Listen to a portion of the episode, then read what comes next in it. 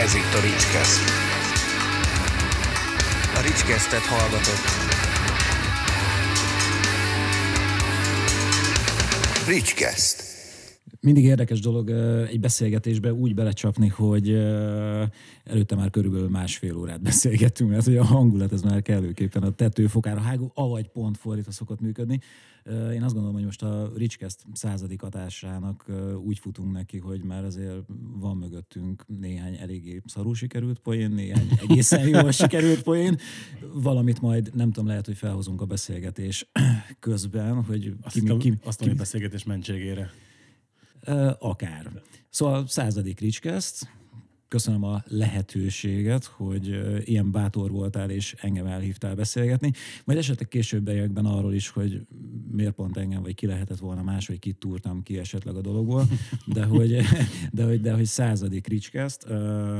Ez egy ilyen régóta dédelgetett dolog volt, hogy majd, ha egyszer idáig eljutsz, akkor, akkor ezt valahogy másféleképpen?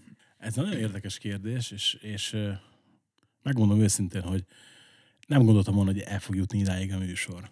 Sőt, hát a, az 50 is, mikor így tudatosult bennem annó, akkor is így mondtam, hogy 50, az azt jelenti, hogy legalább 57-ig ment ugye az adás, de elején voltak kisebb-nagyobb szünetek. És uh, tényleg nem fogom tudni megmondani, hogy ki volt a vendég egyszer, aki mondta, hogy azért szereti a XY-nak a, a podcastját Amerikában, vagy az, utol, az évad utolsó adásában mindig fordítva van a szerep, és hogy, hogy az illetőt kérdezik. Hát, hogy te mondtad, nem? Nem, nem, te mondtad? Nem én voltam, nem. És, és nagyon megtetszett a dolog, de úgy voltam vele, hogy mivel egészen eddig a negyedik évadig nem lehetett nálam jól elkülöníteni azt, hogy hol vannak az évadok.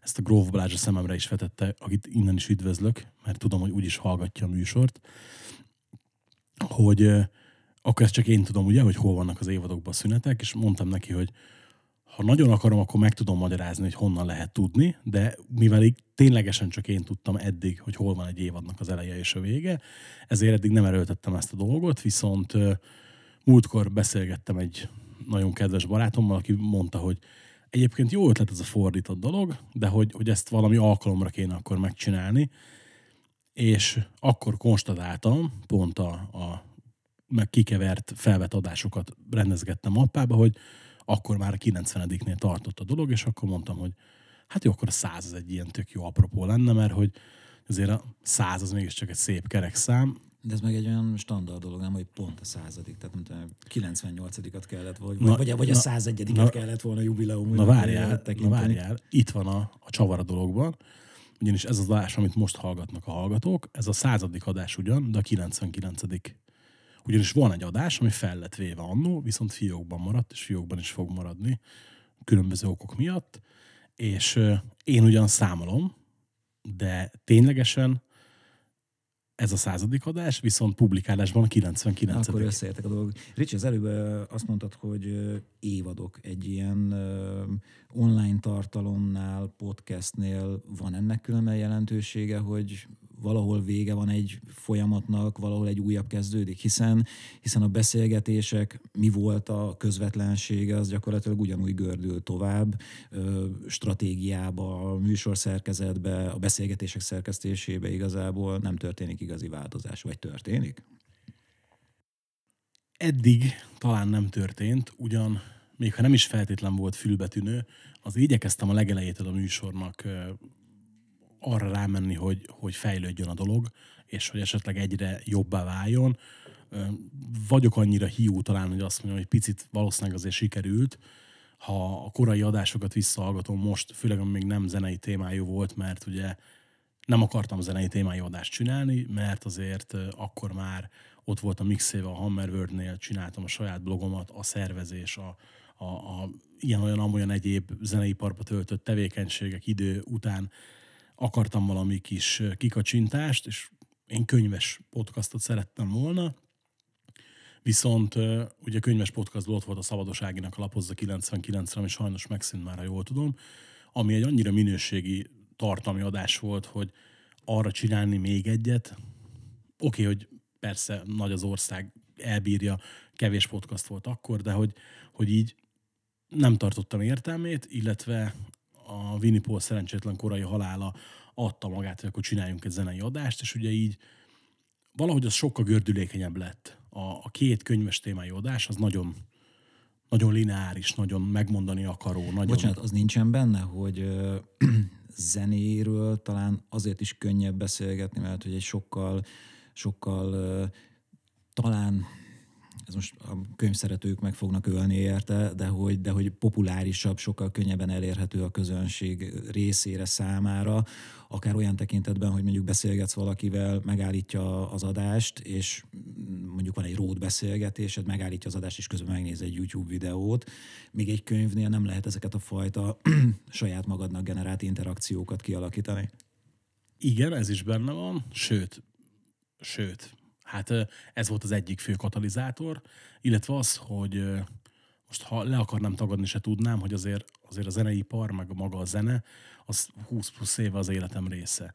És ugyan hiába dolgozom civilben, idézőjelbe téve civilben a könyviparban, egy könyvkiadónál, azért az a tudás, vagy az a rálátás, ami mondjuk nekem a könyv szakmára van, az egy átlag olvasó számára valószínűleg teljesen érdektelen, hogy a könyvkiadás egyébként hogy működik. Szóval popularitás.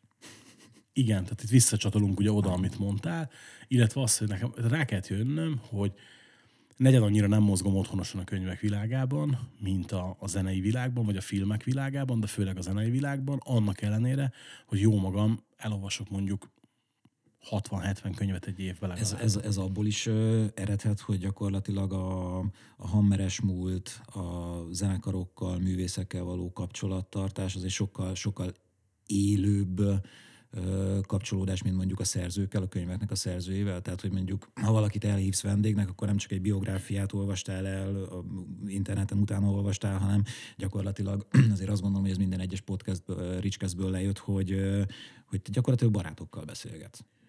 Igen, egyébként igen, meg azt ott, hogy, hogy azért ez a műsor nyilván szubjektív, mint, mint mindenkinek, akinek van egy saját műsor, az szubjektív, és hogy igen, azért odafigyeltem arra, főleg az elején, hogy komfortzónámon belüli zenészeket hívjak, barátokat hívjak, és hogy a beszélgetések jellege is olyan legyen, hogy, hogy azt mondhassuk, hogy fesztelen, nem görcsös, nem standard, hiszem azt, hogy sikerült is ezt, ezt megugrani sokszor, hogy mondjuk olyan dolgok is előkerültek, amik máshol nem. Erre mondta azt egy barátom, aki van annyira pervers, hogy minden adást meghallgatott, és azt mondta, hogy ugye tudod, hogy az a legtöbbször elhangzott mondat az adásban, hogy erről még ugyan nem beszéltem máshol, de, vagy ezt még ugyan nem mondtam el máshol, de. És elkezdtem random visszahallgatni adásokat, és tényleg majdnem mindegyikbe előkerült. Sőt, pont... volt, volt olyan vendéged, aki kifejezetten úgy készült a beszélgetésre, hogy először nálad fog elmondani az adott. Én nem tudom, emlékszel erre? Uh, Vagy több ilyen is volt. Itt, itt, a, itt a kedves hallgatók, nézők kedvére elmondom, hogy aki még nem hallotta az Istvánnak készített adást, az itt most kapcsolja le a, ezt. Nem most először, néz, először nézzék végig, illetve hallgassák végig ezt, és maximum utána. Ugyanis az nem azért mondom, mert itt van István, és szenvedítsérjük egymást, mert hogy nekünk ez a, nekünk ez a, ez a dokkolgatás oda-vissza nem szokásunk szerencsére, de hogy az pont egy olyan adás lett, a, ami, ami megmutatja azt, hogy miért is ő a podcast műfaj. Mert hogy ilyen kötetlenül, de mégis egy csapás irány mentén tudtunk nagyon jót beszélgetni. És ugye közben jött az is, hogy a könyvesadások nézettsége, hallgatottsága az nem volt jó. Ugyan a magamnak kitűzött célszámot elérte, de tudtam, hogy az a célszám az csak ideig, óráig lesz nekem is elég. Ellenben a, a vinipólos téma valamennyire aktuális is volt, illetve a Pantera népszerűsége miatt az adás egész jól is ment. Utána próbálkoztam kevésbé beszélgetős dolgokkal, hanem inkább ténylegesen interjús formátummal. Ugye jött Pintér Miki a Grangery-től, beszélt a Seattle élményekről, jött Ravecki Ádám, beszélgettünk a Sok magazin 20 évéről ilyenek, és hogy ez a formátum viszont meg annyira bejött a, a, annak a magnak, aki az elejétől fogva hallgatja az adást, illetve nekem is, hogy átnyergeltem teljesen erre, mert úgy voltam vele, hogy lehet, hogy nekem más terveim voltak, de azok lehet, hogy nem az én terveim voltak, tudod, én csak meg akartam mutatni, hogy hát ezt is meg tudom csinálni. Amikor valaki egy, egy ilyen projektbe belekezd, akkor, akkor mi, a, mi a mi az a szikra? Tehát mi volt mondjuk a te esetedben az, amikor nem tudom én, akár reggel egy kávé mellett így, így a rajzfilmek tudod felvillant a, a, a, a, a kis izzó. Ez egy két részből álló kérdés. Az egyik az az, hogy csináltam régen nagyon sok videóinterjút, amit így csak simán felpakolgatunk a YouTube-ra egy darab kézi kamerával. Ezek borzasztó rossz minőségek, ma már nem is feltétlen vagyok rájuk büszke, de vállalom őket annyira, hogy ne szedjem le a YouTube-ról. És azoknak baromira tetszett, hogy nem kell utómunkázni. Hát kellett volna nyilván, de hogy nem volt lehetőség utómunkázni. És nagyon szeretek mondjuk élő szóba interjúkat csinálni, de utána azt begépelni, szerkeszteni, nem kell bemutatnom neked, tehát hogy elmondom a hallgatók kedvéért, hogy egy, aki nem tudja, hogy mondjuk egy 40 perces interjút begépelni, mondjuk két-két és fél óra.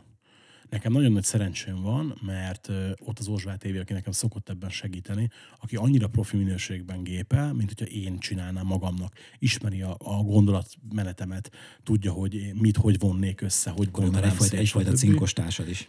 Abszolút, és nagyon-nagyon hálás vagyok neki, hogy mindig segít de ettől függetlenül borzasztó sok munka után, még így is, hogy ő tényleg úgy csinálja, hogy minimálisat kell csak rajta javítani, átolvasni, szerkeszteni, és utána betördelni, kitenni a honlapra, küzdeni az olvasottságért, úgymond, stb., hogy én ezt egy picit megcsömörlöttem ebbe, és ugye nem véletlen az, hogy például a saját oldalam most már lassan egy éve nem frissült, ennek mondjuk más oka is van, ezt majd lehet, hogy elmondjuk, lehet, hogy nem,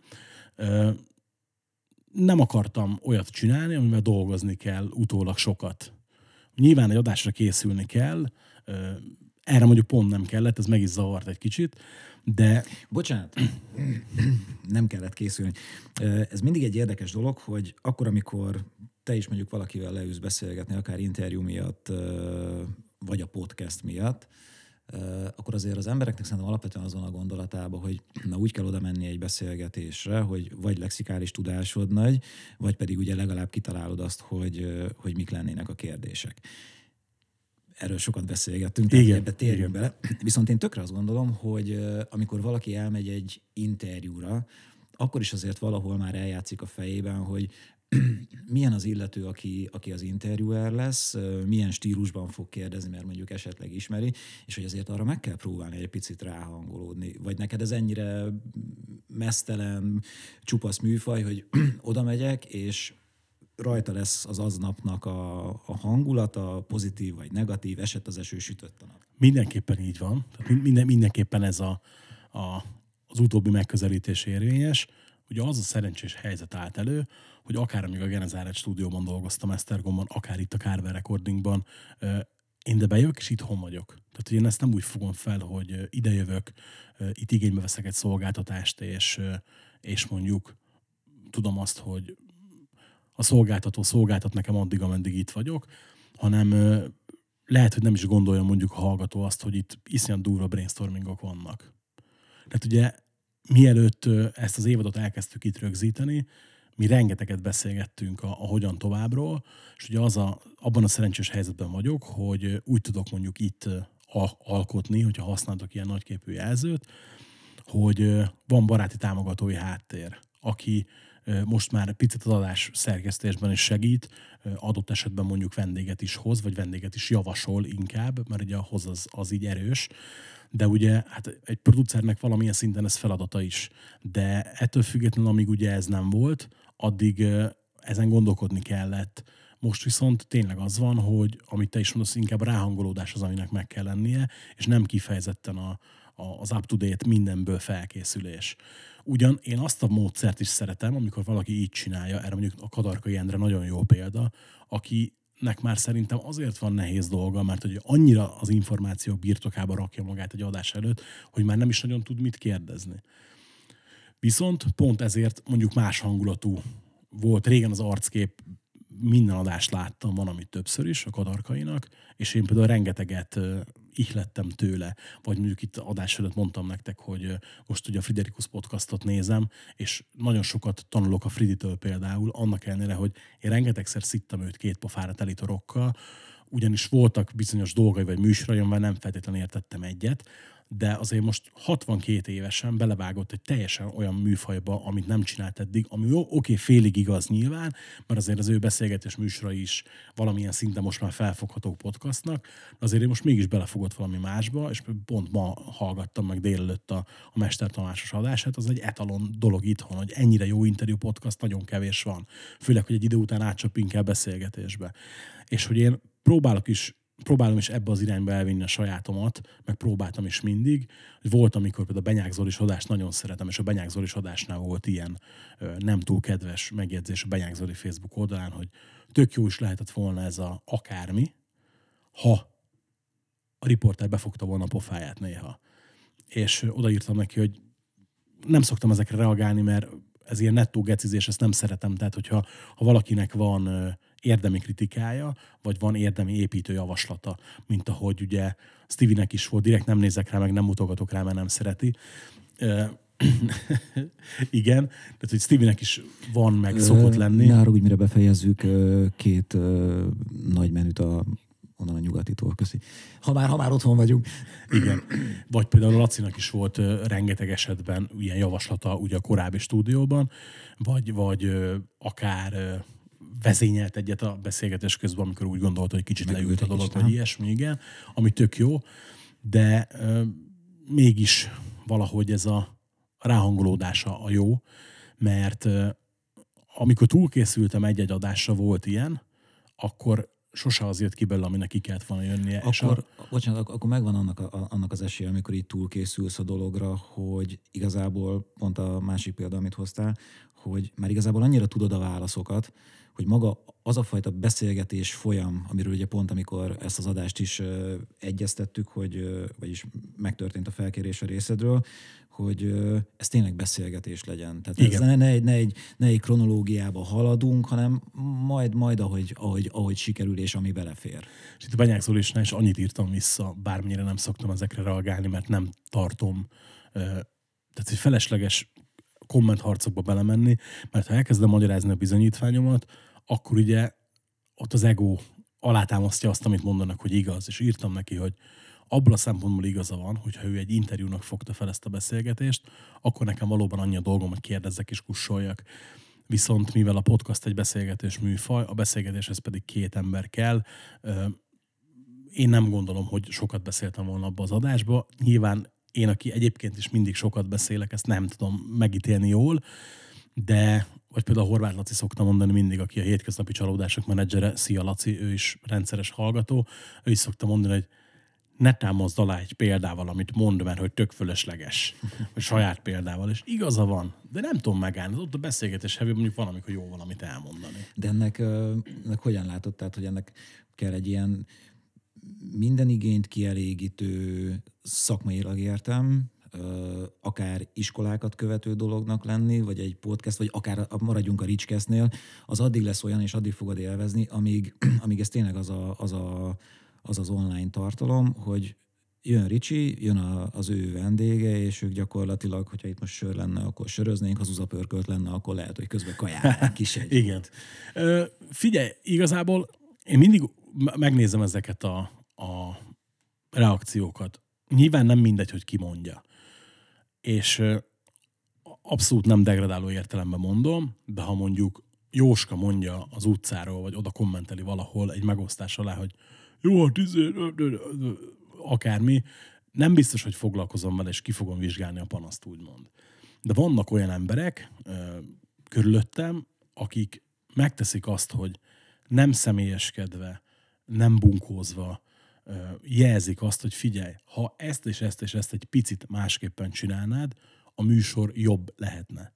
És ugye itt ez a kulcs szó mindig, a jobb lehetne. Tehát én ha érzem a jobbító szándékot benne, igenis meg fogom vizsgálni, és bármekkora egoista barom tudok lenni sokszor, ha én tényleg azt érzem, hogy azzal nekem ő segíteni akar, akkor igenis meg fogom fogadni a tanácsot. És erre most egy tök jó példát fogok mondani, még ha nem is kell mindig példákkal alátámasztani a dolgokat. Az egyik ilyen jó példa erre Bene Attila, aki azt mondta, hogy tök jó, végre egy, a stúdióban lehet látni, hogy kik beszélgetnek, ilyesmi, de miért van vizes palack az asztalon? miért nincs letakarva a radiátor, amire megint elfelejtettem hozni valamit, pedig tök jó cuccot találtam rá otthon, meg ilyen apróságok, és figyelj, az Attila, még ha ezt nem is feltétlenül cizellált stílusba adja, mindketten ismeritek, tudjátok, hogy milyen, a hallgatóknak mondom, volt már vendég, ők is kaphattak belőle képet. Ő az az ember, aki bármennyire bárdulatlan tud lenni néha, abszolút a jó szándék az, ami miatt mondja.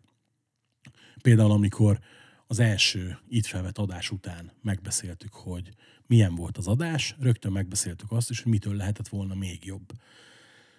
Ha mondasz nekem valamit, vagy például az Attilának a veszőparipája túl gyorsan beszélek néha, amit én is tudok, viszont nem tudok róla leszokni, csak nagyon nehezen oda kell figyelnem rá, hogy ne hadarjak, mint ahogy egyébként szoktam, mert hogy akkor olyan, mint hogyha bekapta volna a szalagot a magnó. De technikus producer kollégád elég jó, egy kicsit visszavesz a tempóból, az enyémnél mindig visszagyorsítja, és akkor azért és, van, nem? És pont jó lesz, igen. Ne Tehát, hogy, ugye, hogyha, amikor ugye ilyenek vannak, vagy például, mit tudom, tök sokszor volt, hogy adott így tippet, tanácsot, akár interjúzáshoz is mondjuk a Dravecki Ádám, és hogy tök örülök ezeknek, mert hogy érzem azt belőle, tudod, hogy ő segíteni akar azzal, hogy egy tapasztalatot megoszt veled.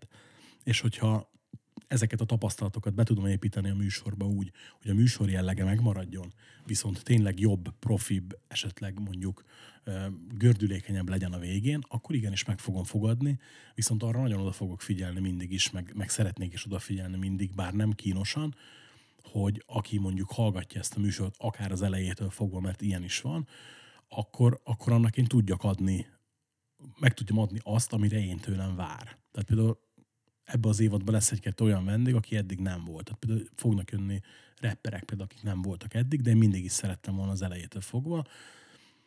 Arra fogok törekedni, hogy a, a rock metal hallgató törzs hallgatók sem mondják azt, hogy jó, figyelj, ezt a szart én nem hallgatom többet.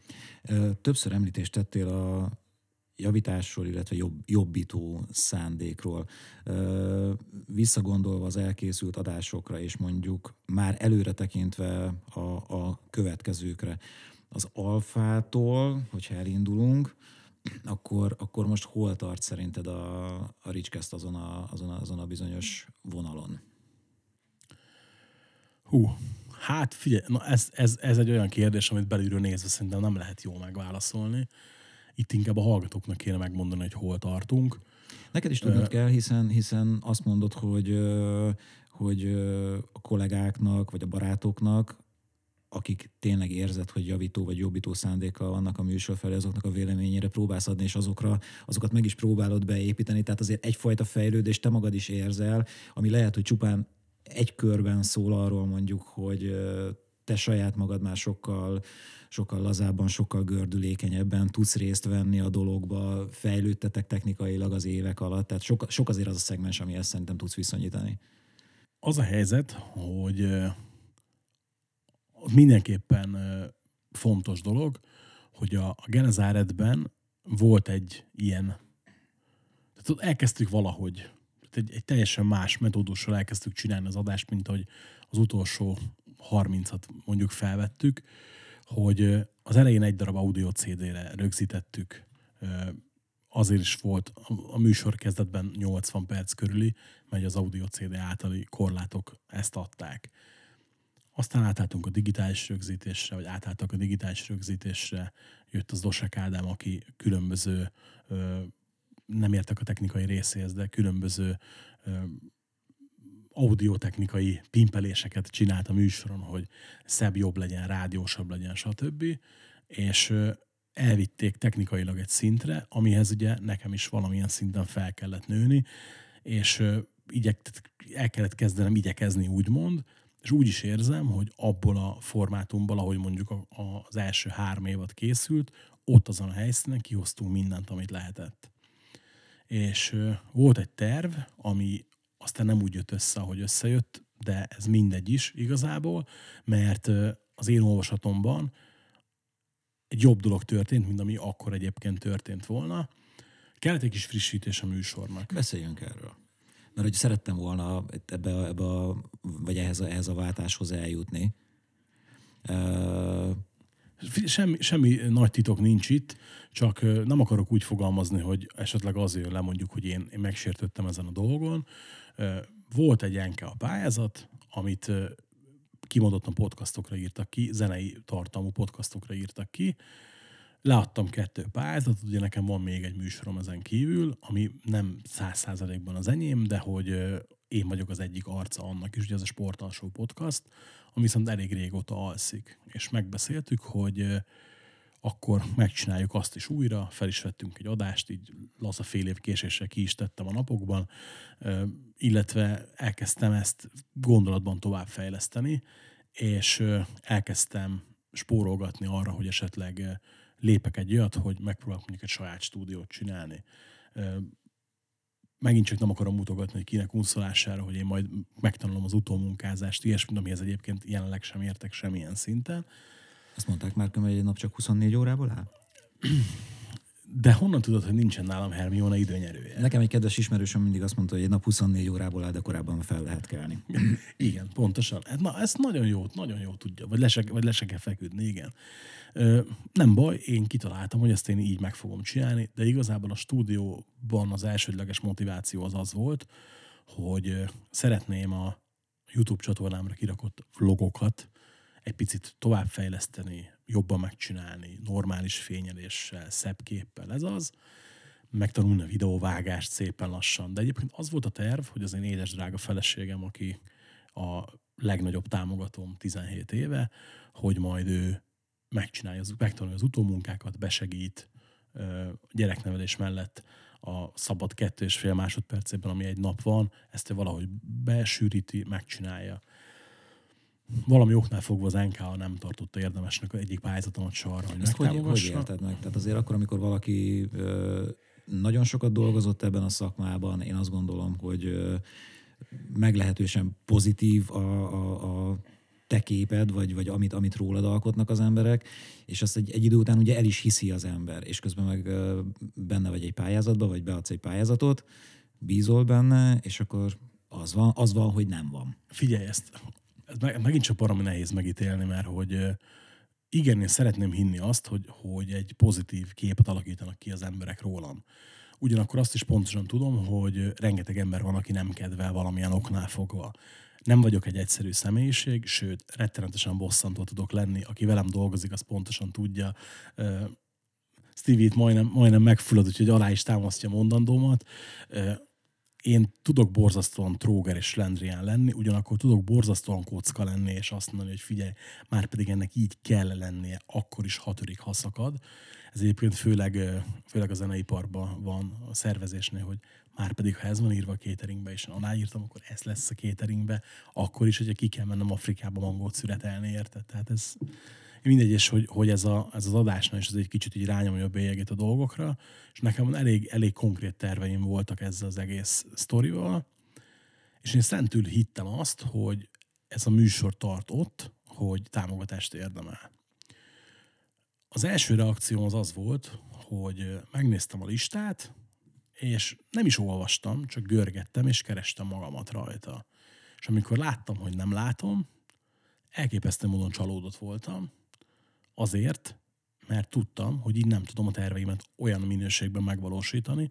Pontosabban azt hittem, hogy nem tudom a terveimet olyan minőségben megvalósítani, ahogy szeretném, és úgy gondoltam, hogy mivel változtatni szeretnék, és mondjuk azt szeretném, hogy fejlődjön ez az egész történet, úgy gondoltam, hogy akkor ott és úgy nincs értelme csinálni, Gyakorlatilag azt mondtad, és ez egy személyes beszélgetés, hagy hivatkozzak, hogy mivel hogy a pályázat nem nyert, te hagyod ezt az egészet a picsába. Ez egészen konkrétan így elhangzott, igen.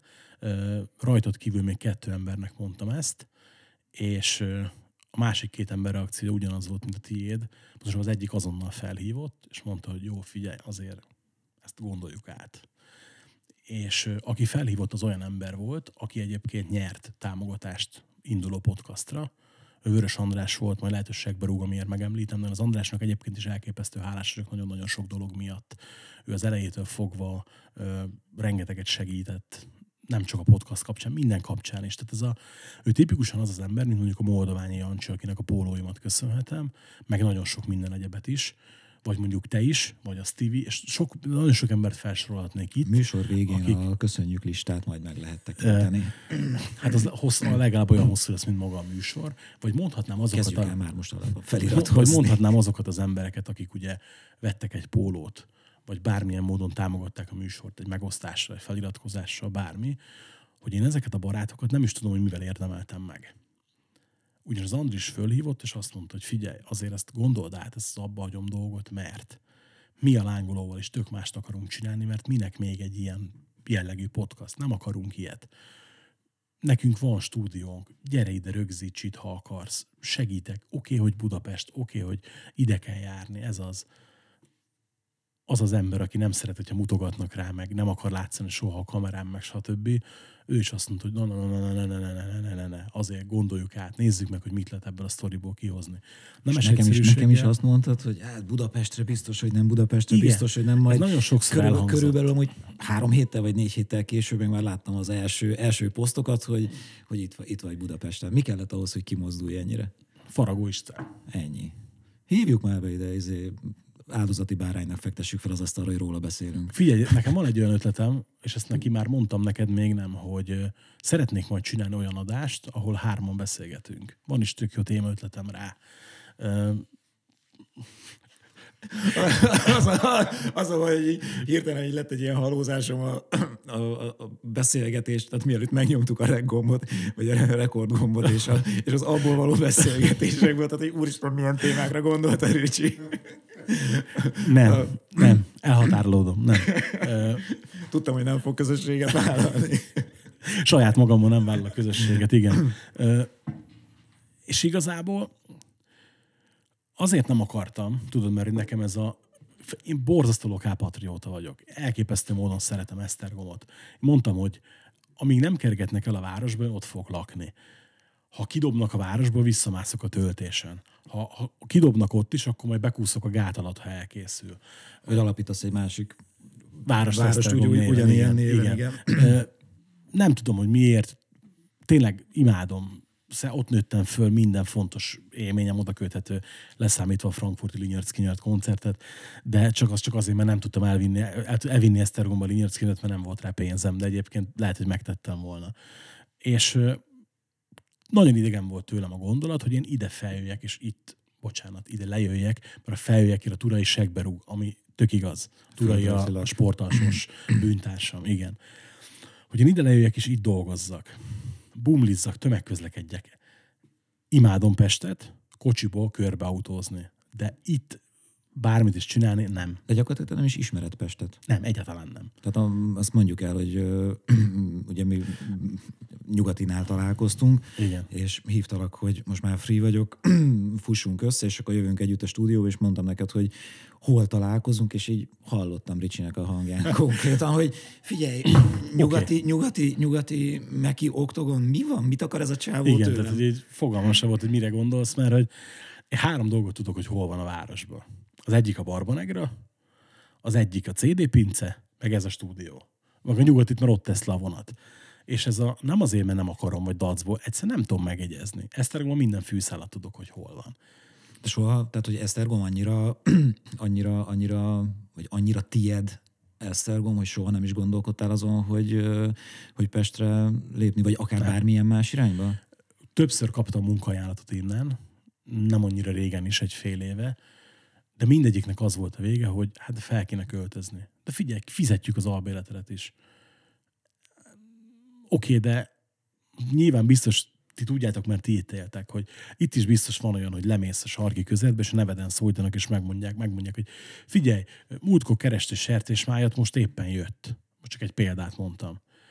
De, de ott, ott, ott az, hogy, hogy nem tudok végigmenni az utcán úgy, hogy valaki ne köszönjön rám, és kérdezze meg, hogy hogy vagy, nekem az hiányozna. Nem, a, nem az állandóság elvesztésétől való félelem ez? De persze, meg, meg egyébként hiába tudom, hogy a változásról nem szeretem. Tehát, hogy ez, ez ilyen... Figyelj, ennek a műsornak az ötlete egyébként, mert ezt nem beszéltük ki, hogy ennek a műsornak az ötlete, amikor megszületett, én ezt a műsort nem egyedül akartam csinálni. Ezt a műsort négyen csináltuk volna, ami aztán öt főre duzzadt. Nekem volt egy, egy ilyen tuti négyesem, ami aztán tuti ötössé alakult, de nem tudtuk, nem tudtuk összehozni. eleve öt teljesen különböző egyéniség szerintem. Nem tudtunk nevet választani, nem tudtunk megegyezni időpontban, hogy mikor stúdiózzunk. Ez úgy nézett volna ki, nem tudom, mennyire állok ebben titkot, vagy mennyire nem, hogy Dravecki Ádám, Danev Gyuri, ugye sok magazin, Music Media magazin, Pintér Miki Grangeri, jó magam, és aztán ez kibővült volna a six -el. És ez egy tök jó ötös lett volna, és azt volt a terv, hogy havonta egyszer összejövünk, és kibeszélünk valamit. Kb. olyasmi stílus lett volna. Havi ötös. Így, például igen. Mondjuk ez egy eléggé szarul hangzik különben, tehát hogy mindenki gondoljon mögé azt, amit akar, ez a havi és ötös. Jó, jó, jó. Bocsánat.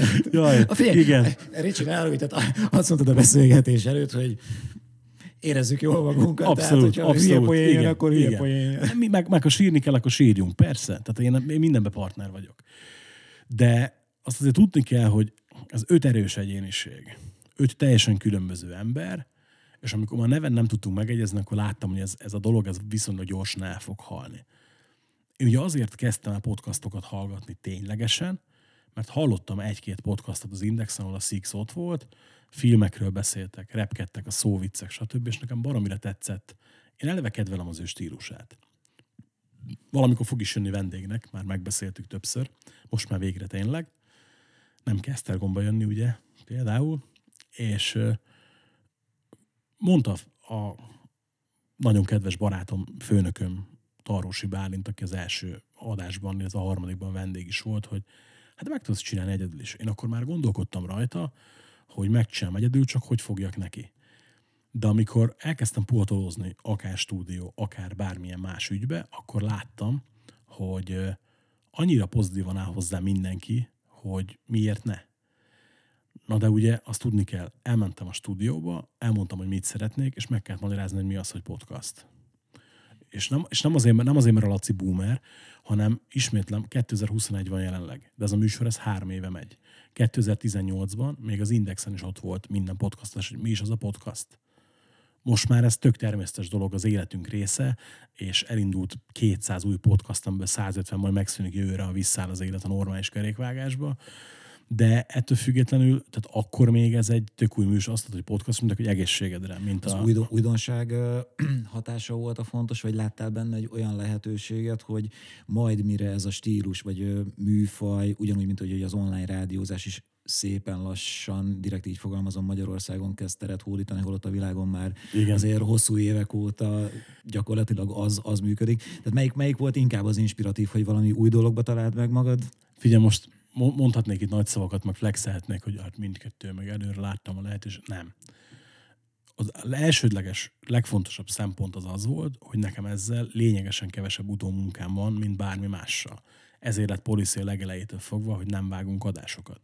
Kettő adásnál történt vágás eddig, nem fogom megmondani, hogy melyik az a kettő, nem is lényeges.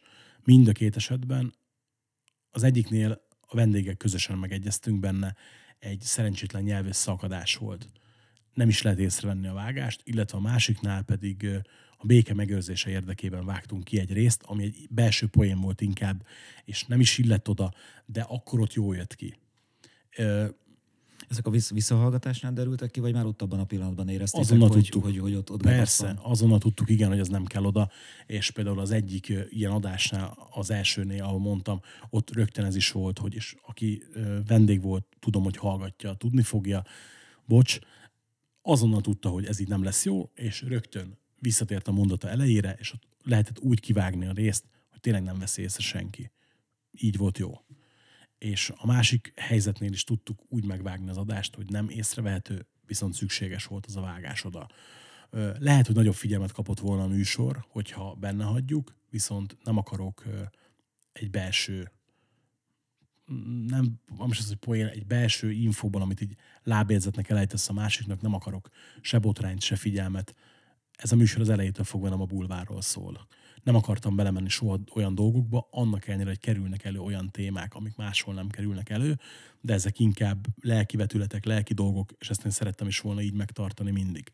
És nem arra menni, hogy figyelj, botrányt, botrányt akarunk. Ha arról beszélünk, hogy ezeket a amúgy patronokat nem használod ki, tehát hogy egy olyan információnak a bedobása, amire utána lehet, hogy amikor megjelent az adás, akkor két nappal később mondjuk a zenei sajtó, vagy akár még egy komolyabb sajtó is ráharap, nem használod ki.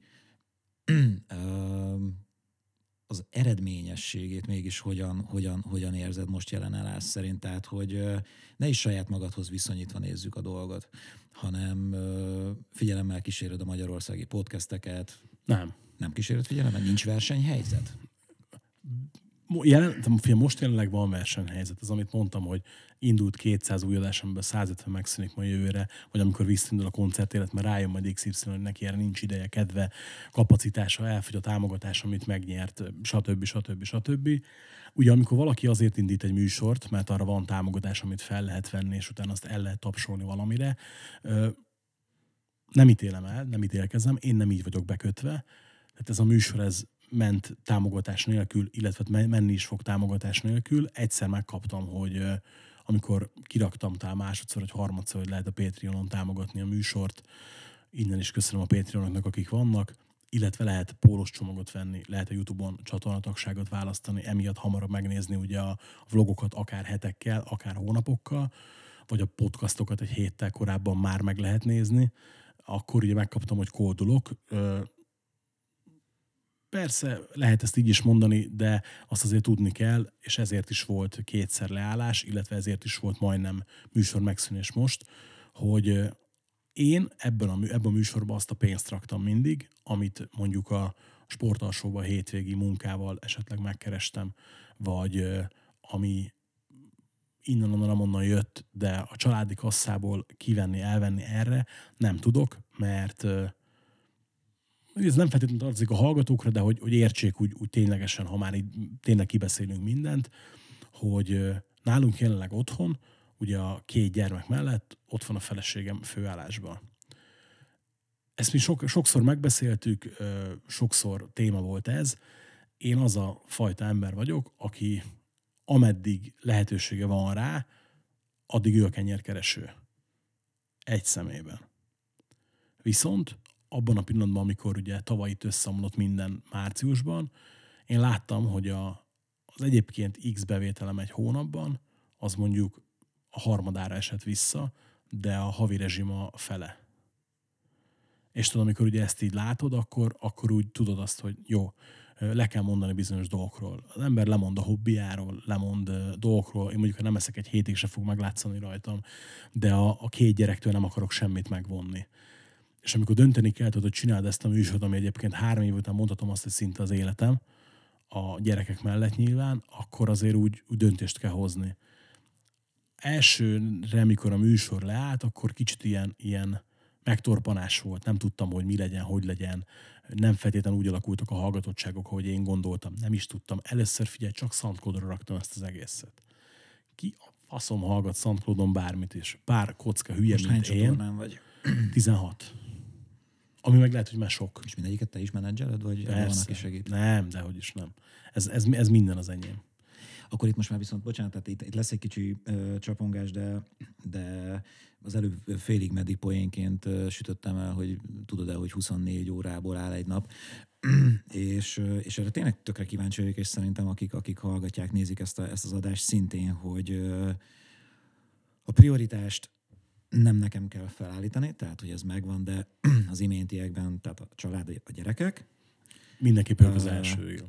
Ricskeszt, a melód, tehát a, a polgári foglalkozás, Igen. nevezzük így, uh, sportalsó, uh, Hammer, és hogyha bárki a sorrendekben más szeretne látni, akkor elnézést kérek és mellett az a borzasztóan széles érdeklődési kör, amihez megint csak idő kell, hiszen filmek, könyvek, zene. Várj, és amit ne hagyjunk ki.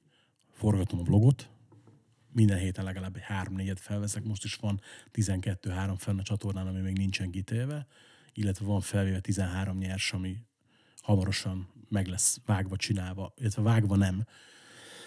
Azok sincsenek vágva, ott is policy, ami rá lesz téve intro, outro, felirat, köszönöm szépen itt a, itt a segítségnek, a Samunak, illetve hát sajtózok több zenekarnak, mm, a Grund Record sajtóját viszem, illetve most Nincs annyi kéz. illet- illetve most a, a H-Music-nál is besegítek a Kristófnak bizonyos dolgokba. Igen, ugye ott a, ott a Hammerworld nyilván, ami ugye hála Istennek most a megújulás után újra viszonylag sok időt, energiát elvisz. Figyelj, ez kettő dolog miatt me- mehet így. Ugyanis én igyekszem mindig azt csinálni, hogy amikor hazaérek munkából 5 fél 6 6 körül, akkor én, én amíg nem alszanak el a gyerekek, szeretek az övék lenni Ö, minimális embernek veszem fel a telefont, minimális embernek válaszolok messengeren itt-ott. Bármennyire nehéz, meg lehet csinálni, ebben nekem kettő óriási partnerem van. Az egyik nyilván a feleségem, aki sokkal hátrébb szorul sokszor, mint amit érdemelne. Ezért nem tudok elég hálás lenni neki. Tehát, hogy ő, és ez nem ilyen, ilyen nyálas PR duma, de ő 17 éve olyan támogató közeget biztosít nekem, akkor is, amikor egyébként éppen mondjuk nem feltétlenül olyan volt a kapcsolatunk, amilyennek lennie kellett Ő már, volna. ő, bocsánat, ő már téged eleve ilyen, ilyen kaotikus csávék, csávóként kapott meg, vagy mellette gajdultál meg ennyire? Ezt én nem, megint Nem csak ezt nem tudom miatta, objektívan hanem megítélni. mellette. Megint csak nem tudom ezt objektívan megítélni. Mikor mi összejöttünk, én már benne voltam a zeneiparban olyan szinten, hogy mondjuk helyben pár bulin ö, security-skodtam, ugye innen a security becenév. Vagy, vagy mondjuk besegítettem egy-két buli szervezésbe. De például az első teljes mértékben általam szervezett bulit, azt mondjuk már úgy követtem el, hogy akkor már együtt voltunk. Ez a 18. születésnapomra szervezett ilyen öt zenekaros kis minifest idézőjelbe téve volt. A, a, a többi elbaszódás, ugye az. Bocsánat. Én is tudok ilyet csinálni. Igen, újságírás és társai, az már valamilyen szinten mellette jött. De ezek generálják is egymást egy idő után, nem? Persze, hogy ne, tehát ez, ez hogy viszel Esztergomba egy koncertet, arról kellene egy jó sajtóanyag, amit ki kellene küldeni a helyi Igen. lapnak, akkor azt kiírja meg, hát megírod te, mert hogy ne kelljen más úgyse fogja, kifizetni igen. érte. Igen, mert nincs miből kifizetni, igen.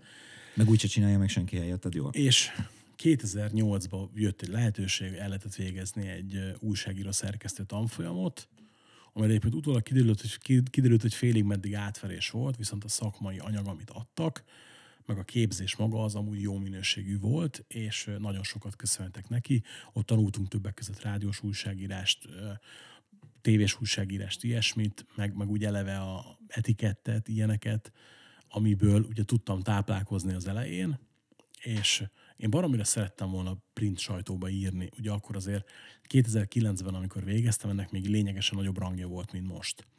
Ugye akkor még azt hiszem, hogy éppen még működött a Rock Inform talán, vagy lehet, hogy akkor már nem, de korábban próbálkoztam ugye bekerülni a Rock Informba, valahogy nem sikerült sose.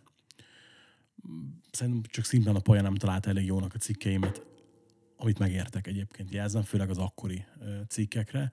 De ugyanez amúgy igaz a, a Hammernél is, hogy, hogy én, én tudom, hogy, vagy úgy emlékszem, hogy küldtem be cikkeket, vagy próbálkoztam, hogy ilyesmi, és most cikkeket, nagyon- nagyon-nagyon idézőjelbe tegyük a cikkeket, dolgot, és nem csodálkozom rajta, hogy esetleg, ha küldtem, akkor tényleg, és nem csak úgy emlékszem, az a baj, az az időszak nagyon összefolyik, nagyon rettenetesen rossz periódus volt az életemnek az, és ö, akkor a párkapcsolatilag sem volt jó az életem, ö, semmilyen színen, nagyon depressziós időszak volt, akkor rettenetesen rosszul voltam lelkileg. Ö, Édesanyám halála nagyon megviselt, lehet legrosszabb időszakban jött, ö, borzasztóan anyás voltam. Ugyanakkor imádtam apámat, rajongásig borzasztó jó barátok voltunk, de édesanyám halála után a kapcsolatunk nem volt zöggenőmentes. Van egy édes testvérem, akit szintén nagyon szeretek, és vele sem volt akkor jó a kapcsolatunk. Itt ugye sokszor elgondolkodtam rajta, hogy vajon én vagyok ennek az oka, vagy pedig mindenki más, ugye mindenki hibás, csak én nem egyedül a világ ellen. Nem tudtam megfejteni.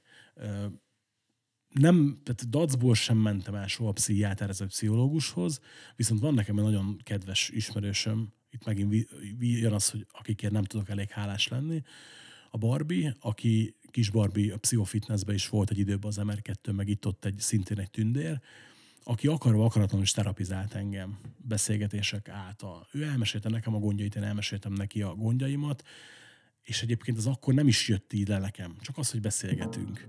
És valószínűleg ő sem direkt csinálta, de hogy ott jöttek felismerések. Akkor tudatosult bennem igazán, hogy engem abuzáltak gyerekként. És az akkoriban valamiért elkezdett kiülni rajtam nagyon. csúsztam egyre mélyebbre. Egy zeneboltban dolgoztam, akkor az barom jó volt, viszont a zenebolt elkezdett szűkülni, több egyéb egysége bezárt, el kellett köszönni kollégáktól, többek között tőlem is nem voltam elég hatékony, nem voltam elég jó eladó.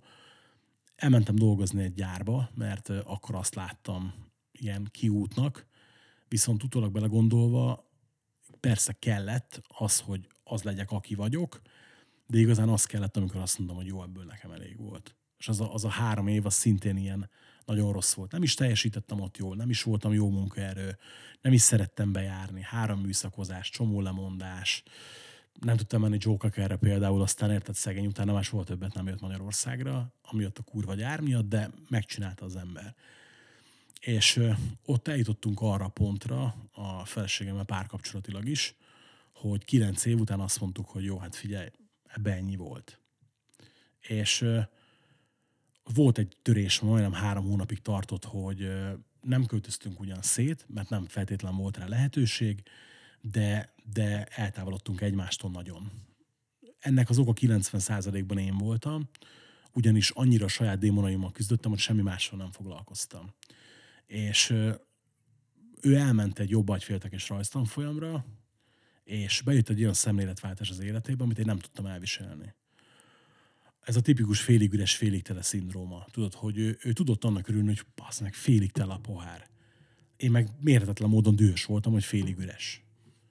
És ö, engem annyira frusztrált, hogy ő jól érzi magát, és hogy elkezdett jobban lenni a bőrébe, hogy ez teljesen megette a kapcsolatunkat, illetve minden mást is. Ott eljutottam arra a pontra, hogy nem volt, nem az volt, mint jelenleg, hogy van, akinek szimpatikus vagyok, és van, akinek nem, hanem ott nem volt olyan, akinek szimpatikus lettem volna. Az, az hogy- akkor, akkor éneddel, akkor azok szerint nem lennél szívesen egy társaságban. valószínűleg jó felpofoznám kurva gyorsan. És ö, akkor a, dühös voltam azért, hogy ezt nem tette meg senki, viszont amikor elkezdtem gondolkodni rajta, akkor rájöttem, hogy folyamatosan próbálta megtenni mindenki, de én annyira a saját seggemben volt a fejem, hogy ezt nem vettem észre. Itt álljunk meg kérlek egy picit. Hol van szerinted a, az embereknek a másik felé való felelősség, vállalás, Annyi- kötelezettsége? Annyira tudtam, hogy fel fogsz tenni ilyen geci kérdéseket.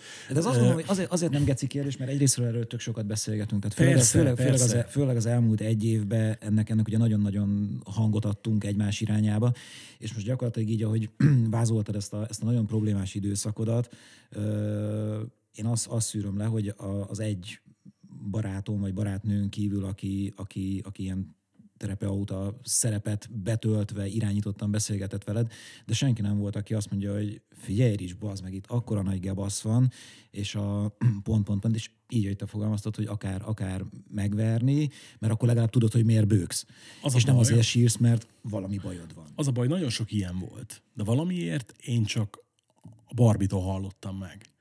Tehát, hogy annyira bele voltam feledkezve saját magamba, és annyira elhittem, hogy én már pedig mindent jól csinálok, és én már pedig annyira kurvára tökéletes vagyok, hogy nem feltétlen ismertem fel azt. Figyelj, a feleségem éveken keresztül mondta, figyelj, beszéljük ki ezeket a dolgokat, mert ezeket a helyzeteket meg lehetne oldani, de te is kell lesz hozzá. Legtöbbször egy- ennyi volt rá a válaszom. Semmi. És akkor hol volt a megvilágosodás?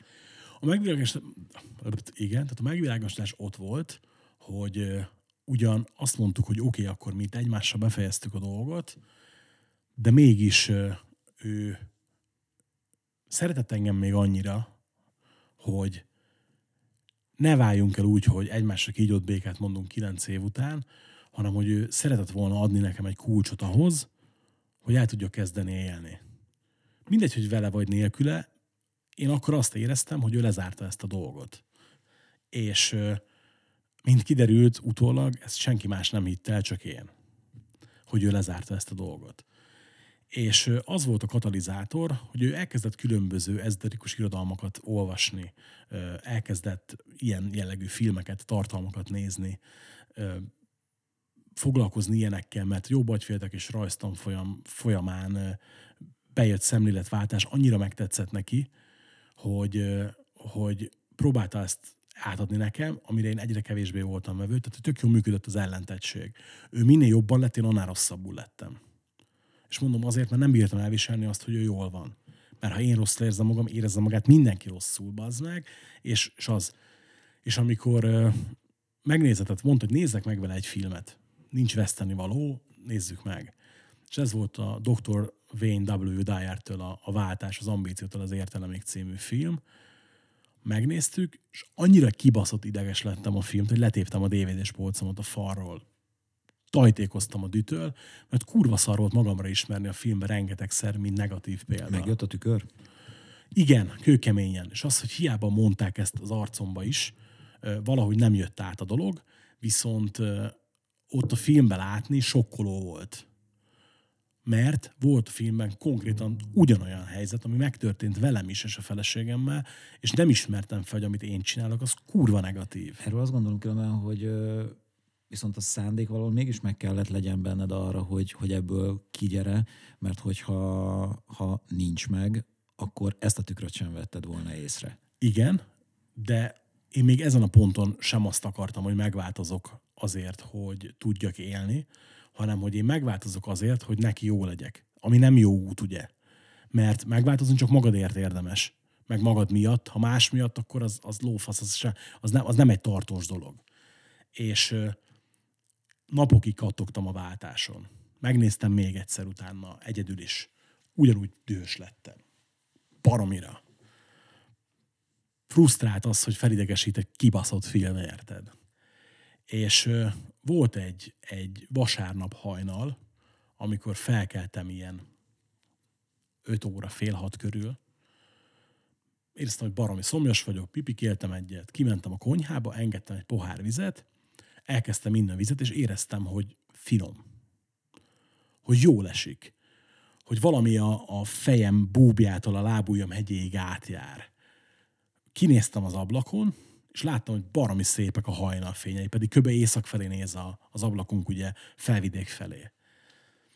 És az egy annyira furcsa pillanat volt, tudod, hogy láttad a Pleasantville-t? A filmet? Nem. Egyébként ne, ne, nem jó film egyébként, a, szó, a, szó, a, szó, a szószoros értelmében, de van benne egy nagyon meghatározó jelenet, hogy egy testvérpár bekerül egy fekete-fehér tévésorozatba, és az ő jelenlétük miatt az a tévésorozat elkezd fokozatosan kiszínesedni. Először csak egy szín jelenik meg, majd még egy, még, és végén színes lesz minden. Na én, én ezt tapasztaltam akkor, én rájöttem, hogy addig kurvára fekete-fehérbe, meg szürkébe láttam a világot, és itt elkezdett valami kiszínesedni leegyszerűsíthetjük ezt úgy, hogy én ott abban a pillanatban megtértem, és uh-huh. elkezdtem hinni. Ami egyébként igaz. Vallásos hit? Nem. Tehát, hogy, hogy nem vallom magam felekezethez tartozónak. Nem feltétlen megyek el templomba, bár van rá példa. Például pénteken voltam egy nagyon jó barátomnak a temetésén, és nagyon megérintett a pap, pap prédikációja. Nagyon, nagyon szép beszéd volt. Sokkal inkább ez a valamiben való hit meg valakiben való hit inkább. Ö, egyről beszélünk. Igen, abszolút igen, tehát hogy, hogy teljesen csak az én olvasatomban ez inkább így hangzik.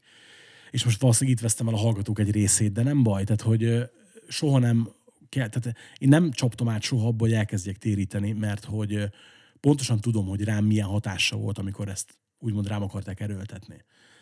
Elkezdtem ismerkedni rengeteg ezoterikus gondolkodóval, volt, akiben megtaláltam magam, volt, akiben nem. Véndejernek életem végéig hálás leszek. Borzasztóan rosszul érintett, amikor mikor elment. Eckhart Tolle ugyanez. És én itt, való, itt meg, is, meg is állok abban a szempontból, hogy, vagy Deepak Chopra, nagyon szeretem a, a dolgaikat. De fontos kihangsúlyozni, hogy ugye manapság nagyon divatos osztogatni egy bizonyos cikket, tanulmányt a toxikus pozitivitásról, hogy a pozitív gondolkodás maga illetve a homokba dugom a fejemet, és amikor éppen megy rajtam át az úthenger, akkor is azt kívánom, hogy nekem kurva jó, nekem kurva jó.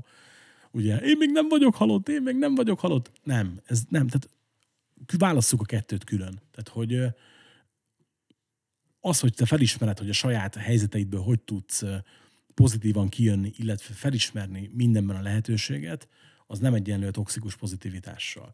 Nekem is vannak rossz napjaim, rossz időszakaim. Most vagyok túl egy nagyon rossz időszakon, amikor megint ott tartottunk, hogy, hogy egyszer nem lehetett velem egy légtérbe lenni, pánikrohamaim voltak, stb. És ez is olyan, hogy sikerült bele kimászni, voltak emberek, akik figyeltek rám.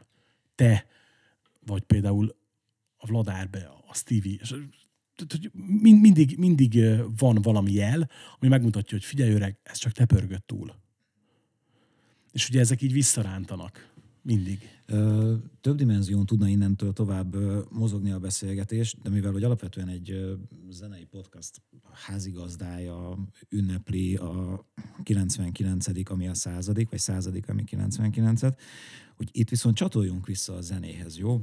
Mert, hogy, mert én tökre azt érzem veled kapcsolatban, nézem a posztjaidat, minden...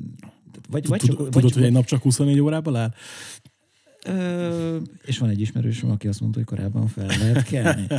Szóval, hogy neked a zene, a művészet mérhetetlen inspirációt és energiát ad. És azért mondtam, hogy itt most lehetne két irányba menni, tehát nagyon el lehetne a személyes dolgokba menni, amit én nem biztos, hogy annyira szeretnék szétszedegetni. Viszont ez a vonal, ez, ez, ez nagyon... Pont a mai napon, amikor így ezt a beszélgetést készítjük, akkor szomorú évforduló van. Igen, ma van négy év, hogy meghalt Chris Cornell. és szinte személyesen üzentél neki, tehát hogy nem azt mondod, hogy ő hiányzik, hanem hogy te. Mármint, hogy a, a Chris Cornell hiányzik. Ö, erre kettő dolog jut eszembe. Az egyik egy hobó idézet, ami úgy van, hogy megpróbáltam hű maradni az emberhez, a zenéhez, az életemet tettem rá, ennyi közem van az egészhez. Ugye a Láthatatlan Légióból van, ami az egyik kedvenc Hobo Blues dalom, és nagyon örülök, hogy Hobóval dolgozhattam már együtt lemez megjelenésem, meg úgy egyébként is ö, fogadott a, házában, és csináltam vele interjút. Nekem a zene, azt szoktam hogy az a, min- a zene, meg a filmek, meg a könyvek a minden egyébként. Tehát ugye mindent ebbe le tudok mérni. A zene nekem elképesztően fontos. Én, én csak és kizárólag érzelmi alapon tudok zenét hallgatni. Én nem tudok objektív lenni. Tehát nagyon sok olyan lemez van az életemben, amiről pontosan tudom, hogy ha mondjuk technikai szempontból megnézzük, vagy mondjuk zeneelméleti szempontból megnézzük, akkor száz felé lehet szedni, és egyébként nem jó lemez. Én mégis elképesztő módon tudom rajongani, ahogy a Lénárd Laci fogalmazott, hogy én vagyok a diszkográfiák mindenkori mélypontjának a rajongója, ami lehet egyébként, hogy van is benne igazság, De ilyennek is lenni kell valakinek. Persze, például nekem az Iron Maiden-től a kedvenc lemezem a No Prayer for the Dying, amit szerintem ember nem szeret rajtam kívül, de nekem az volt a belépőm a Maidenbe. Olyan érzelmi kötődésem van hozzá, hogy nem tudom nem imádni azt a lemezt. És, és nagyon-nagyon sok ilyen van. Például most épp egy Bruce Dickinson szám zakatol a fejembe. Melyik segíts? Thousand Points of Light. Köszönöm. Bosztu Picasso-ról. Igen, igen, igen. Az egyik legjobb refrén a világon szerintem. És pont ezért, mivel hogy én ennyire emocionálisan tudok kötődni, csak így tudok kötődni a zenéhez, bizonyos lemezeket, bizonyos dalokat teljesen másképp hallok.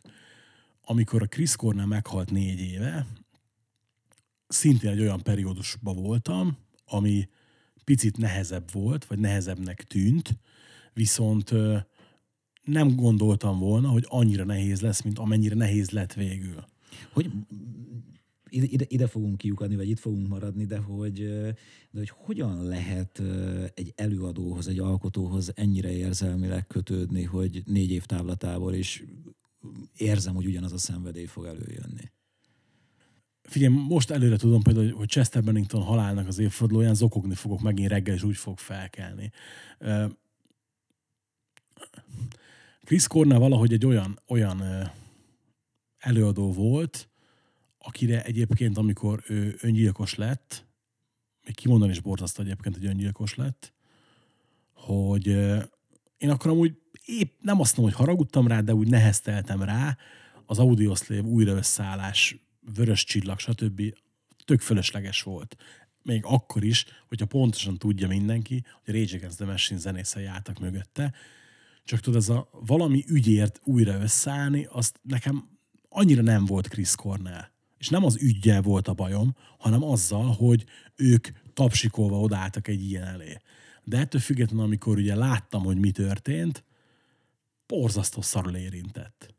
Mert hogy, hogy az meg a Temple of the Dog a világ egyik legjobb lemeze. Elő is került Sok nem olyan rég egy mellett. adásba, igen, sok másik mellett pontosan. Imádom a Soundgarden. Figyelj, a Like a Stone-nál szívbe markolóbb dal a világon nagyon kevés van, ha van egyáltalán. Ezt hoztam.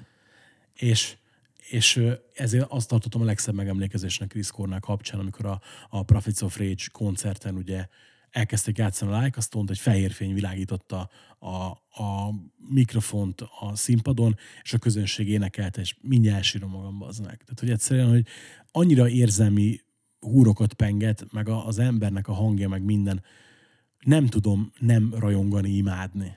És például tudom azt, hogy vannak olyan zenészek, akik amikor elmennek, engem napokra felejtsenek el.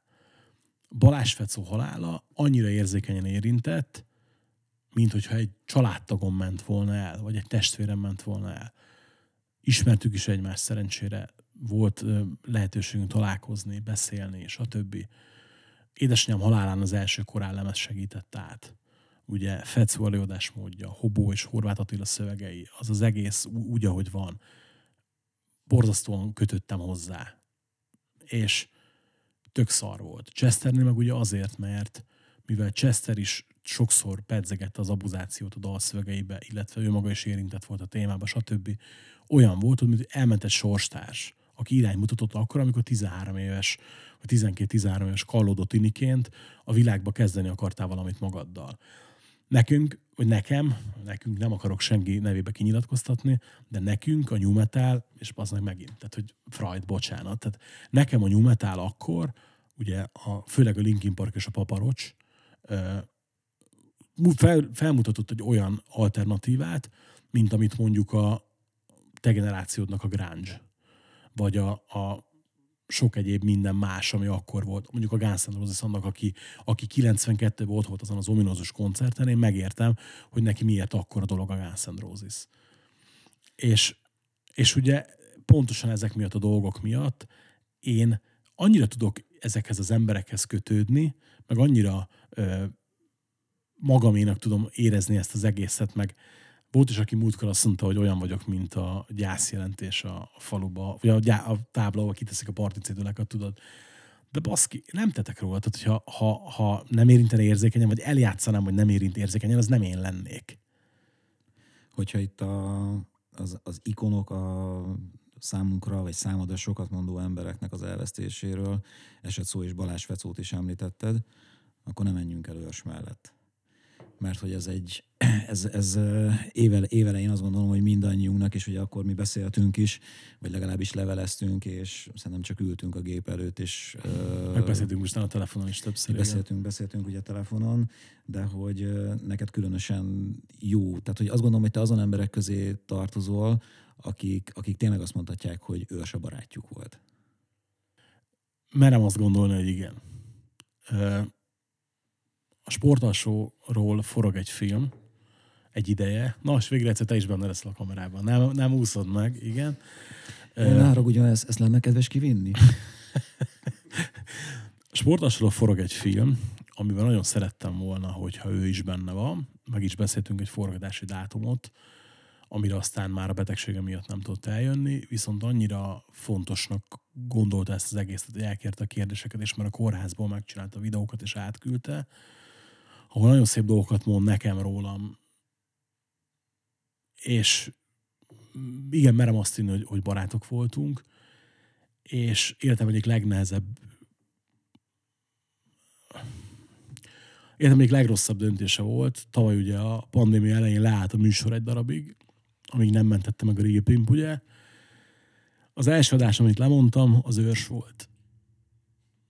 Szekeres Andris után ős lett volna a következő vendég március 18-án szerdán, és mondtam neki, hogy figyelj, ne haragudj, de egyszer nincs pénzem stúdiózni, nem tudjuk megcsinálni az adást, és mondta, hogy megérti, persze, majd sort kerítünk rá valamikor. Tekintve, hogy ugye ez most a 99. századik adás, és nem került még ez ki, nem, nem tudtunk már utána sort keríteni rá. És ez kurva szar. Tehát ez egy ilyen örök fekete folt a, a műsor történetébe, és most valószínűleg jót röhög ezen, hogy én itt ezen majdnem sírok, de, de igen, tehát hogy nekünk nagyon-nagyon komoly beszélgetéseink voltak a sportalsóban mindig, ezt elmondja a filmbe is majd. Olyan dolgokat meg tudunk egymással beszélni, amit nem biztos egyébként, hogy valaki felületes ismeretség után megbeszél. vagy itt mondtam neked a beszélgetés előtt, hogy életem második legjobb koncertélmény a Bodycount volt a Budapest Parkba, ahol volt lehetőségem megélni egy akkor 22 éve idegetett álmot, hogy bejutottam a backstage-be az Ice-T-hez, és mindenki valami akarta, hogy milyen volt és mindenki nyomasztott ezzel, mire ő egyszer csak feltűnt a semmiből, és azt mondta mindenkinek, hogy jó gyerekek, majd elolvassátok a Facebookon, neki most innia kell velem egy unikumot. És kirángatott és, kiráng, és kirángatott a szarból, igen, és talán együtt néztük a koncertet, és, és, és tök jó volt. A, vele kapcsolatosan azt gondolom, hogy nagyon hosszasan tudnánk beszélgetni, meg a saját sztoriainkat is mesélni, de, de azt szerintem osszuk meg a, a tisztelt nézőkkel és, és hallgatókkal, hogy mi megállapítottuk, hogy ő van, nem tudunk róla múlt időben beszélni. Igen, igen és valószínűleg soha nem is fogunk. Soha nem is fogunk tudni, annak ellenére, hogy hogy volt egy, neked ezt meséltem, és volt egy ilyen élményem, ahol azt gondolom, hogy most nem, nem nekem a feleségemnek, hogy ő elbúcsúzott tőlünk kvázi, de akkor is az a múlt idő, ez nem fog összejönni. Hát ugye majd erről a fordított beszélgetésnél, amikor majd te leszel megint az interjúer, és én pedig a, a, az interjú alany, akkor ugye lesz majd egy dal, amit ki fogunk vesézni, és ott az, Igen. az elköszönés szintén ugyanígy megvan, de nem én vagyok a fontos a dologban. Ricsi, azt gondolom, hogy még nagyon-nagyon sokat lehetne, és te zártad annak idején a velem való beszélgetést úgy, és még nem zárni szeretnék, hogy majd lesz egy következő rész, majd a 200-at is szeretném én megcsinálni veled, jó? Mert akkor, akkor újra lesz mit, de, de hogyha már ilyen, ilyen hiányérzet ről beszéltél őssel kapcsolatban, akkor, akkor mit gondolsz, mi az, ami, ami mondjuk és akkor térjünk vissza a, a Richcast-hez, hogyha már ez tényleg a Richcast alapvetően, mint téma, hogy mi az, amit még mindenképpen meg kell csinálnod. Akár beszélgetés, akár fejlesztés, tehát hogy ez most egy ilyen eléggé... Hú, figyelj, ez... Na, itt, volt, itt... Egy, volt egy olyan kérdés a Facebookodon, ugye már bedobtad ma, hogy, hogy mit kérdeznétek, és nem onnan csentem, de hogy ezt nagyon parasztban úgy is lehetne kérdezni, hogy és hogyan képzeled el magad öt év múlva? Tehát, hogy Remélem, hogy mondjuk egy, egy 50 kilóval könnyebben, ez most nagyon dolgozom ezen egy, egy 10 hete, de nyilván nem elbagatelizálva a kérdést. Vannak dolgok, amiket szeretnék meglépni, igen, de tök jó lenne, hogyha ha tudnánk több kamerával rögzíteni, videósabbra venni az egészet. Bocs, Leci, aki ugye a videós utómunkát csinálja, nagyon szépen köszönöm neki is. Meg, Tök meg, jó képeket csinál. Micsoda? Tök jó klipeket csinál. Igen, meg egyébként nem is énekel olyan rosszul. Meg hogyha végre már elolvasna azt a szinopszist, amit átküldtem neki, hogy négy évvel ezelőtt. Bocs. Igen, tehát, hogy... Itt lesz a vágás. meg, hogy ugye nyilván tök jó lenne ezeket a dolgokat meglépni, tök jó lenne ugye a, a videós tartalmakat még jobbra megcsinálni. Persze tök jó egyszer saját stúdió, meg, meg ilyesmi, de tök sok lehetőség van függőben, most így kicsit így megint kezdenek bepörögni a dolgok volt egy, egy ilyen lesüllyedés, picit a nézettség is visszaesett. Nem kattogtam rajta, mert hogy akkor még így volt lendület, és, és, és tök jó volt. Aztán elmúlt a lendület, de a nézettség meg elkezdett menni felfelé megint.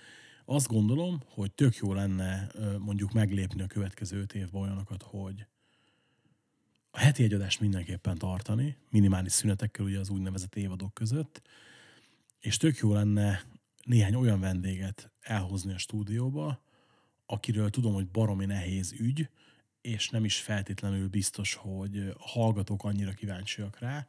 Beszélgető partnerként nehéz ügy, vagy elérhetőségileg nehéz ügy? Tehát, hogy nehezen adja mondjuk a fejét rá? Utóbbi inkább. Tehát figyelj, én édesapám nyugodjon békébe, édesapám révén én hatalmas rajongó vagyok 31 éve nagyon szeretném, hogyha egyszer leülhetnék a Kóbor Jánossal beszélgetni. Csináltam már vele interjút, nagyon rendes volt, nagyon kedvelem. Hála Istennek az utolsó, vagy legutóbbi Omega lemez promóciójában, meg egy, egy-két folyamatában részt vehettem, és óriási megtiszteltetés volt. De úgy, úgy nagyon szívesen úgy, úgy leülnék vele, és, és beszélgetnék vele, vagy, vagy nyilván nekem vágyam, mert tudom, hogy a hallgatók itt lehet, hogy fel fognak hördülni, de nagyon szívesen leülnék egy teljesen kötetlen beszélgetésre a Kovács Ákossal például. Ugyanis 96 óta hallgatom őt, 97 óta járok a koncertjeire, és a múltkor, mikor a Bánfa és annyira köszönhetően bejutottam a backstage-be, mindig kerültem a vele való megismerkedést. Biztos lett volna rá lehetőség többször, de tudod, ő, ő nekem itthonról az a bávány kategória, akit nem biztos, hogy meg akarsz ismerni, mert akarva akaratlanul sem szeretné véletlenül sem csalódni. Meséljek? Viszont múltkor, amikor bejutottam Győrbe a backstage-be, nem volt ott a polgármester úr, akkor elvittem magammal ugye a, a diszkográfiát dedikáltatni, és az a kb. 30-35 perc, amit ott bent töltöttünk, az abszolút meggyőzött arról, hogy én nekem nincs idealizált képem róla. Tehát hogy pontosan olyan, amilyennek én gondoltam, hogy olyan. És ugyanakkor ott mondta is, hogy majd biztos fogunk egyszer egy interjút csinálni, nem kerestem azóta őt, de lehet, hogy valamikor összeszedem a bátorságomat, és megkérdezem, hogy mi lenne, ha. Vagy például a Nagy Feró. Csak hogy mondjak még olyat, aki, aki tudom, hogy interakciót fog kiváltani a közönségből. Ugyanis ezt elmondtam a Granger interjúban októberben, hogy mindegy, hogy ő mit csinál, mindegy, hogy ő mit nyilatkozik. Ö, 75 évesen hadd gondoljon már azt, amit akar. Nekem ő mindig bálvány fog maradni, meg nekem a Beatrice mindig a Beatrice fog maradni. Baromira örülök neki egyébként, hogy, hogy ismerhetem, vagy hogy, hogy mit a jobb, hogy a Hunorral tök jobban vagyok a fiával. Meg egy csomó minden ilyen apróság. Vagy mondjuk mondhatnánk nyilván külföldieket is, de mivel az angol tudásom túlságosan bizonytalan ahhoz, hogy én bevállaljak egy idegen Jó, nyelvű egy, interjút. egyet, egyet, egyet dobjál be, tételezzük fel, hogy nincsen nyelvi probléma, és egy ember lehet a nemzetközi porondról, aki jövő héten kedden itt van, hogyha hívod. Hát ha ráér, várjál, tehát ez nem, nem úgy működik. Figyelj, legombo, legombozom én neked. Tehát, hogy Figyelj, itt azért ne- nem fog tudni egyet mondani, de mondjuk... Most nem, ért, most nem ér többet. Tehát, hogy tudom, hogy neked a kedvenc lemezek listája a száznál kezdődik, a Nem, top nem, koncertek nem. 25-nél. Nem, nem fog tudni egyet mondani, és elmondom, hogy miért, miért fogok négyet mondani, mert nem tudnék választani. Tehát az, az biztos, hogy, hogy mindenképpen az első helyen lenne, vagy Gary Rossington, vagy ugye Johnny Vincent a Skinnerből mindenképpen, mert hogy ugye olyan szinten az életem fontos része a Skinnerd, nem véletlenül itt a tetoválás is, hogy rengeteg kérdésem lenne. Hogy lehet egyenes derékkal egy ilyen tragédia után csinálni egy zenekart ennyi idő után is? Rob Zombie, és egy nyilván Ice-T. És na Ice-T viszont ott, ott, ott, ott úgy lennék, hogy nem tudnék mit kérdezni, mert úgy gondolom, hogy azért amit kell, azt tudom. Rob Zombie meg ugye nyilván azért, mert hogy fel se tűnik valószínűleg, de igen, tehát hogy nagyon kedvelem a munkásságát a fiatalembernek, és például barom jó volt, hogy most dolgoztatott vele magyar emberért, tehát hogy a Gróf Balázs Így neki van. klippet. Figyelj, mondtam a Balázsnak is, hogy nyugodtan nézzen hülyének bárki. Egyébként ő szintén egy ilyen ember, aki rengeteg ö, építi jellegű tanácsal szokott ellátni, amit innen is köszönök neki, hogy kicsit a saját sikeremnek is éltem meg, érted, bármennyire hülyén is hangzik, hogy magyar ember dolgoztat a Rob Zombie-val, érted? Bocsánat, hogyha, hogyha már a Balázs támogatólag áll a podcasthez és ötletel, hát nyugodtan megrajzolhatna téged is most már egy ilyen figurának, és Megtette. ó, akkor én kérek elnézést. Megtette kérlek szépen egyik, egy születésnapomra szerintem két évvel ezelőtt, ha jól emlékszem. De hát egy jó tízer szükséged lenne, tehát egy, egy, egy, egy, egy jó leadre a videó elejére. Igen, igen. Majd, meg, majd Balázs elmondja, hogy mit, mit szól ehhez a felvetéshez, de az nagyon vicces volt, hogy így nyilván nem avatott be ebbe előre, hogy, hogy megrajzol engem, és pörgettem a Facebookot egy reggel, hm, az az mintha én lennék. Ó, ó, vá, vá, vá, vá, vá, hopp, ott meg is vagyok jelenve. Ja, hogy ez én vagyok? És utána, amikor a feleségemnek mutattam otthon, akkor a gyerek így ránéz, és mondta, apa, ez te vagy? Tehát akkor Jól valószínűleg, sikerült. igen, tehát akkor itt is kijön az, hogy a Balázs nem, nem semmi rajzoló. Is, meg nem semmi ember is. Uh, Ricsi, tényleg azt gondolom, hogy uh, elfárasztottuk a tisztelt hallgatókat és nézőket. Egyetlen egy ajánlást szeretnék kérni a végére. Ebből az évből, mondjuk eltelt az évnek a fele, millió egy zenét hallgattál, megjelent lemezek, megle, megjelent dalok közül mi az, amire most te azt mondanád, hogy ebben az évben eddig ez a top, legyen egy-egy jó, tehát legyen egy magyar és egy külföldi is, hogyha ha van mind a két posztról. Húha. Hát ennél szemedebb kérdést nem tettél fel az interjú alatt. Azért tettem a végére, meg gondoltam, hogy ha pofán vágsz érte, akkor legalább már megvan a műsor. Fú, nehéz lesz, és ö, több okból is nehéz. Fú, gondolkodni kell. Az a baj tudod, hogy ö, már csak a, a Hammer miatt is, hogy a havi 30-40 új lemezt meghallgat az ember, és sokszor van, hogy, hogy ö, belelkesedek hirtelen, és most gondolkodnom kell azon is, hogy mi az, ami most már megjelent, vagy mire az adás kikerül, meg fog jelenni. Ugye ezért megint csak, mert így, így fú, hát egyet. Jaj, jaj. Hát lehet, hogy, le, lehet, hogy ha sokat gondolkodnék rajta, nem ezt mondanám, de az új Ram Jackson, az új Dropkick Murphys zseniális, mind a kettő és, és ott nem is biztos, hogy tudnék választani a kettő közül. Ma azon is gondolkodom, hogy mi az, ami már idén jött ki, mi az, ami még tavaly, jaj, jaj. Igen, húha, hát magyar front. Fú, pedig pont most csináltam videót is arról, hogy jó magyar lemezek.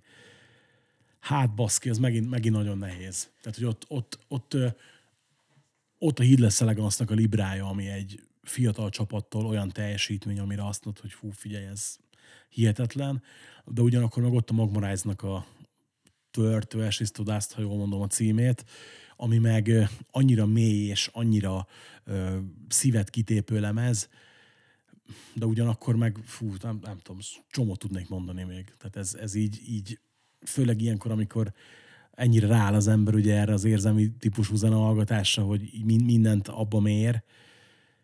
Hát, fú, ja, nem. Végül is teljesítetted a feladatot. Tehát, persze, hogy, persze, tehát, csak tudod most... Hogy kaptunk nem, ajánlást. Már, már most azon kattogok, tudod, hogy jaj, mit hagytam még ki, amit, amit úgy nem kellett majd, volna. Majd, a, majd a és... komment szekcióban majd javítasz, és akkor hozzáteszed, hogy sorry ettől, sorry attól mégsem ő. Egy dolog miatt szeretnék elnézést kérni, nevezetesen az, hogy nagyon illő lett volna úgy felkészülnöm erre a beszélgetésre, hogy legalább azt kijegyzetelem, hogy te a végén hogyan szoktad befejezni, tehát hogy mire kell feliratkozni, hol kell feliratkozni. Nincs, fix, nincs fix, és ezért a helytekkel Dávid barátom rendszeresen le is szúr, hogy legyen már egy fix bekonf és egy fix lekonf, hogy profibnak tűnjön a műsor, és soha nem sikerül. Igen, a leírásban ott van minden. Jó, hol okay. kell feliratkozni, hol lehet támogatni a csatornát. Nem kezdem el mondani, hogy kiknek köszönöm ezt a századásnyi segítséget, meg azt, hogy eljöttek vendégnek, vagy el fognak Igen. jönni vendégnek. Kezd el elmondani, mi elmegyünk addig kajálni, és majd várunk téged is.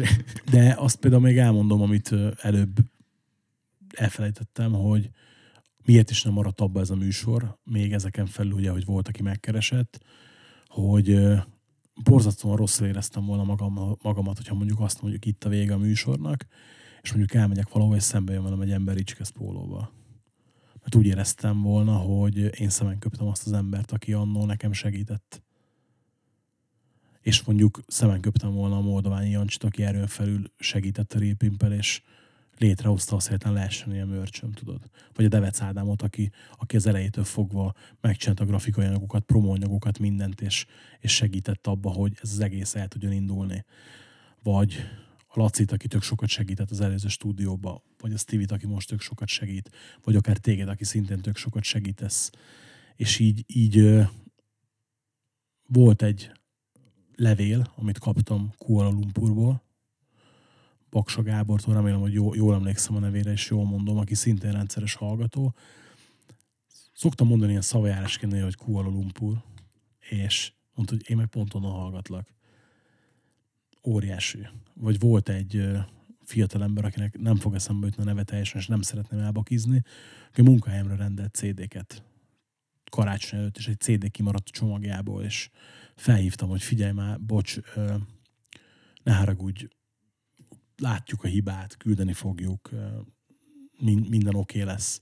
Majd utána írt egy levelet a Facebook oldalamra, hogy egyébként pont előtte pár nappal hallgatott valami adást, ahol beszéltünk valamiről, illetve nézett meg egy vlogot, ahol ajánlottam filmeket, illetve a Valant, és megnézte, és tök jó volt, és egyébként megilletődött szinte, hogy hívtam, és, és hogy tökre köszöni, hogy csinálom meg, meg ez az, és tudod, ilyenkor mindig így, így elgondolkodok rajta, vagy múltkor a Szompop alkalmazásba írt egy lány, hogy te vagy a ricskesztes srác, tök, hogy összesorsolt veled a játék. És tudod, ugye ilyenkor így mindig elgondolkodok rajta, hogy azt meg én meg picsogok, hogy abba akarom hagyni. Tehát, hogy most, aki ezt végighallgatta, és ö, esetleg mondjuk nem említettem meg név szerint, de úgy gondolja, hogy amúgy megérdemeltem volna, hogy megemlítsem, attól elnézést kérek, legközelebb megemlítem, jelezd kommentbe, hogy meg, megsértve érzed magad, mint a Sisler Ádám például, nehogy megsértve érezze magát, aki még most csinálja grafikákat. És ha nem lennétek, akkor nem lenne ez az egész. De vagytok, köszönjük. neked a, neked a kitartást, és én a lehetőséget, hogy ma nem válaszolnom, hanem kérdeznem lehetett és kellett. És szerencsére nem mondtuk, hogy kiket túrták ki, hogy te lehess. Tehát, amint mondtam, a leírásban ott van minden, akkor a lekomfot átveszem Istvántól, pofátlan módon, és aki akar úgy is támogat, aki nem akar úgyse, az adás menni fog. Pistának nagyon szépen köszönöm, hogy levezényelt ezt az adást szerintem jobban, mint én megtettem volna. A saját magadtól kérdez mindig át, átszaladgálni, azért ez egy elég gázos dolog lett volna. Igen. Úgyhogy jövünk legközelebb is. Sziasztok! Köszönöm, Ricsi. Sziasztok.